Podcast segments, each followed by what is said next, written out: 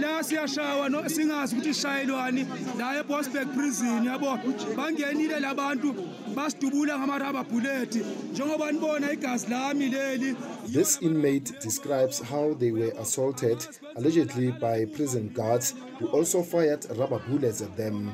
Videos circulating on social media and shared with the SABC show prison guards firing rubber bullets at inmates who retaliate by hurling stones at the guards.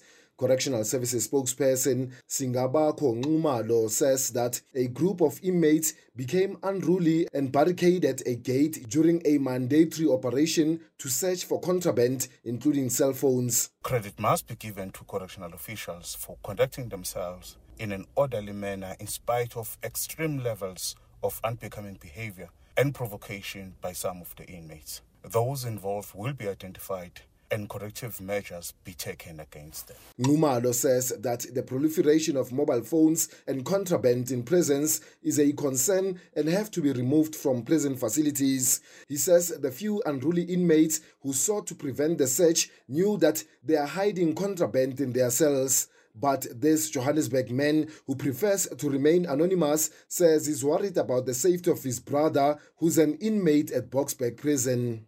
That's inhumane. If you're in, in a closed off area, you can't have tear gas or pepper spray. And then I think that's where it started to become like a mini riot. So then I think they broke down the doors or they, they tried to force open and then they ran out. The, the guards assaulted them.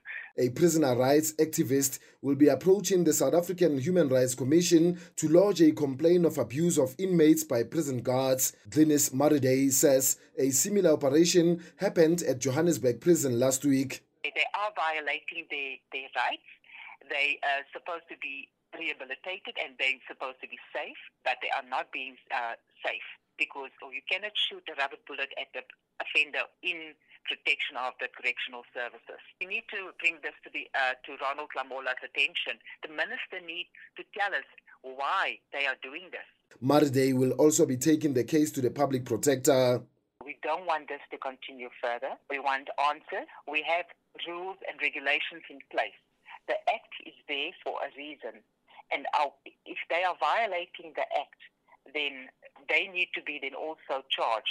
Correctional Services maintains that they are following regulations. Numalo says the Correctional Services Act allows for a minimum degree of force to be used and such force must be proportionate to the objective. He says that the operating procedures were fully adhered to and that such operations will continue as per schedule. I'm Tsepo Pahani in Johannesburg.